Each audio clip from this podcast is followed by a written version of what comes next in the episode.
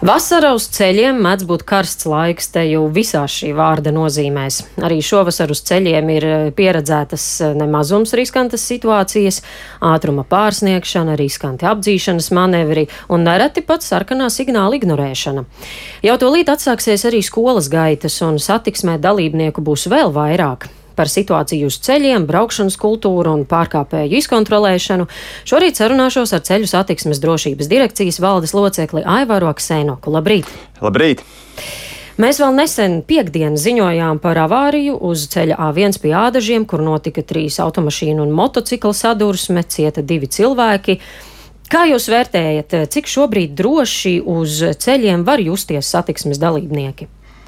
Jāatzīst, ka satiksme Latvijā patiešām ir visai agresīva. Arī jūs minētajā gadījumā motociklista agresīvā braukšana bija, bija šī negadījuma iemesls.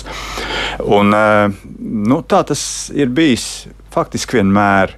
Jautājums, vai vadītāju uzvedība ir kļuvusi agresīvāka? Nu, jautājums, kā to novērtēt? Ja mēs skatāmies pēc uh, policijas datiem, uh, tad pēdējo gadu laikā tiešām strauji pieauga agresīvo uh, sodīto vadītāju skaits par agresīvo braukšanu. Uh, tāpat arī fotoradari parāda to, ka daudz vairāk vadītāji šogad pārkāpj noteikto ātrumu. Šeit, šeit gan jāsaka tā, ka policijai daudz lielākas iespējas ir kontrolēt agresīvo braukšanu. Ir šie speciālie automobīļi, kas fiksē šo dažādo pārkāpumu kombinācijas. E, tāpat e, tiek izmantot arī droni satiksmes kontrolē. E, bet tīri tā vizuāli liekas, ka patiešām vadītāja uzvedība ir kļuvusi agresīvāka. Ar ko tas varētu būt skaidrojams? Sēšanās pie stūres, tad ir kaut kāds stresa novadīšanas veids vai kā? Nu, droši vien zināma loma ir videi, kurā mēs šobrīd dzīvojam. Ja? Tas ir gan uh, Covid uh, laiks, gan uh, kara situācija, uh, gan ar to saistītā sarežģītā ekonomiskā situācija. Daudziem cilvēkiem ir, ir problēmas ar, ar, ar naudu, personīgās problēmas. Uh, līdz ar to uh, nereti tas patiešām izpaužās vadot automobīlu. Gadu no gada tiek veidotas arī dažas sociālās kampaņas, cenšas uzrunāt šos autovadītājus, pievērst viņu uzmanību un vēl un vēlreiz atgādināt par uh, noteikumiem, par drošu braukšanu. Tad var teikt, ka sociālās kampaņas nenes rezultātu. Sociālās kampaņas iespēja noteiktu cilvēku loku. Ir cilvēki, kurš šīs kampaņas vērtē tā, nu, vai bija smuki, vai nebija smuki, ja, vai bija interesanti, vai nebija interesanti. Bet eh, vai kampaņa patiešām sasniedz mērķi, es domāju, ka tikai daļai cilvēku. Tāpēc ar kampaņām vien noteikti panākt šādu uzlabojumu nevar. Kampaņas ir svarīgas, bet tikai ar kampaņām panākt nevar. Un kā ar sodiem? Tos būtu jāpārskata, tiem jābūt vēl stingrākiem. Eh, par sodiem vienmēr ir eh, bijusi eh, diskusija, diskusija gan tiem, kas lemj par šo sodu noteikšanu, gan sabiedrībā. Nu, vienmēr jau tomēr ir pats svarīgākais tas, ka nav svarīgs, cik liels ir sots, cik šī soda neizbēgamība. Un, diemžēl pašlaik par daudziem pārkāpumiem nu, vadītāji sajūt tādu nesodāmības iespējamību. Mm, ir, cik zināms, ir arī idejas eh, par to, ka varētu palielināt sodus tieši ātruma pārkāpējiem. Kādi tur ir varianti, par cik varētu palielināt un vai tas ko dotu? Būtībā eh, runa nav eh, par sodu palielināšanu, bet par sodu noteikšanu un konkrēti par pārkāpumiem, par ātruma pārkāpumiem līdz 10 km/h. Šobrīd par to ir tikai, paredzēts tikai brīdinājums. Ja, tā tad mhm. nav, nav paredzēts naudas sots. Protams, ka liela daļa autovadītāju nu, brīdinājums, nu, kas tas par sodu. Ja? Un arī policija sevišķi neapgrūtina sev ar, ar šādu pārkāpumu fiksēšanu, ja? jo nu, tā ir tikai saruna ar vadītāju. Vienkārši nav, nav vērts to darīt, ja viņa izpratnē. Ehm, un šobrīd runa par to, ka tomēr vajadzētu noteikt eh, naudas sodu pārkāpjot noteiktu ātrumu jau par šo 3% noteikto tehnisko, tehnisko pielaidi. Mm.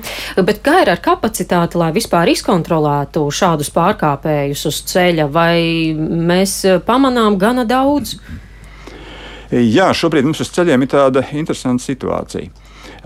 Daudz auto, autovadītāji zina, ka līdz tiem desmit, varbūt vēl plus 3 km/h viņus īsti sodīt nevar un viņi to uztver kā normu. Daudz autovadītāji brauc 50 km/h vietā ar 63 km/h, un viņi paši iekšēji uzskata, ka es taču neko nepārkāpju. Es neko nepārkāpju. Ja? Bet ir autovadītāji, un mums rāda arī pētījumi, ka, piemēram, ārpus pilsētām 29% autovadītāji brauc ar uh, atļautu ātrumu. It kā skan diezgan briesmīgi, 29% tikai ievēro noteikumus. Ja? Bet no otras puses tas ir daudz. Ja? Jo 30% var teikt, trešā daļa e, brauc tā, kā tas pieklājās. Un, savukārt tie, kur brauc ātrāk, tiem liekas, nu, ko viņš tur velkās, man viņš noteikti ir jāapdzen. Ja? Un tad sākās šīs apzīšanas, plus vēl pavisam agresīvie braucēji, kur vispār neievēro šo ātrumu, trīs e, līmeņa ātrumi un šo apzīšanas rezultātā arī notiek ļoti smagi satiksmes negadījumi. Un, ja mēs runājam par ātrumu pārsniegumu, tad uh, varbūt ne tieši šī ātruma pārsniegšanas dēļ notiek tik daudz negadījumu, cik sekas ir ļoti smagas šiem negadījumiem. Nu, kaut vai konkrēts piemērs um, Francijā. 2018. gadā Francija ieviesa ātruma ierobežojumu 80 km/h, 90 km/h vietā uz ceļiem, kur nav atdalīts pretējās kustības joslas. Un bojā gājušo skaits uzreiz samazinājās par 12%. Ja, Tātad tieši šo seku smagums. Mums arī Latvijā varbūt vajadzētu pārskatīt uh, ierobežojumus, kur tie ir izlikti. Un... Nu, ir tā, ka vispirms mums vajadzētu panākt, lai vadītāji ievēro noteiktu ātrumu daudziem liekas, un tā šeit izvērtās vesela liela ažiotāža sabiedrībā, kā tā mūs sodīs par pirmo kilometru stundā. Nu, tā ir cita saruna, ne jau nu, uzreiz mm. sodīs. Ja? Bet, bet tas, ka ir jāmēģina samazināt ātrums uz Latvijas ceļiem par šiem 10 km/h, ka ir jāpanāk, lai vadītāji ievēro noteikto ātrumu, tas patiešām ir, ir ļoti būtiski. Ja? Kādā veidā pieņemt šos grozījumus noteikumos, kā to piemērot dzīvē, tā ir diezgan liela diskusija, bet tas, ka šajā virzienā ir jāiet, par to nav šaubu. Mm. Par topošajiem jaunajiem autovadītājiem šobrīd, lai iegūtu autovadītāju apliecību, prasības jau ir krietni stingrākas, krietni augstākas, nākas pacīnīties eh, arī eksāmenos. Vai tas kaut kā ir uz labu, uzrāda tendenci, vai tomēr eh, tam nav vēl rezultātu? Eh, ļoti svarīgi, lai jaunie vadītāji iegūtu izpratni par ceļu satiksmi. Ne tikai vienkārši iekautu noteikumus, bet iegūt šo izpratni. Un es neteiktu, ka prasības ir kļuvušas stingrākas. Viņš ir kļuvis maz, mazliet savādāks. Nu, kaut vai par uh, braukšanas eksāmenu. Ja agrāk uh, eksāmenā pirmais posms bija jākārto uz uh, mācību laukumu, kur bija salikta stabiņa, un vadītājiem vajadzēja iebraukt noteikt, noteiktajā figūrā, izpildīt noteikto figūru. Uh, Nu, eh, autoskolotāji ir iemācījuši, skatieties aiz muguras, tur tas stabiņš, tā kā jūs redzēsiet šo, tad pagriežiet stūri un tad jau jūs nonāksiet tur, kur tas ir nepieciešams. Bet pēc tam, nonākot eh, ceļa satiksmē, vadītājs nespēja, eh, nespēja izpildīt šos manevrus, nespēja novērtēt attālumus, vietas, kur viņam tiksim, jāapstājās vai jāiebrauc. Jā. Tagad šogad jau no aprīļa mēneša arī šis pirmais posms, šīs figūras tiek izpildīts ceļa satiksmē. Un arī autoskolas attiecīgi izmaina savu darbu un iemāca vadītājiem šo reālo satiksmi. Tāpat arī teorijas biļets tiek vairāk piemērots reālajai satiksmei. Ir video jautājumi pieejami, kur vadītājiem jau jāsaprot tiešām kustībā, kā atbildēt uz, uz šo situāciju. Tā kā pats galvenais vadītājiem iemācīties uh, reāli piedalīties satiksmē. Jā, un sakot līdzi visiem noteikumiem. Paldies par sarunu. Šorīt saku Aivaram Aksenokam, ceļu satiksmes drošības direkcijas valdes loceklim. Paldies!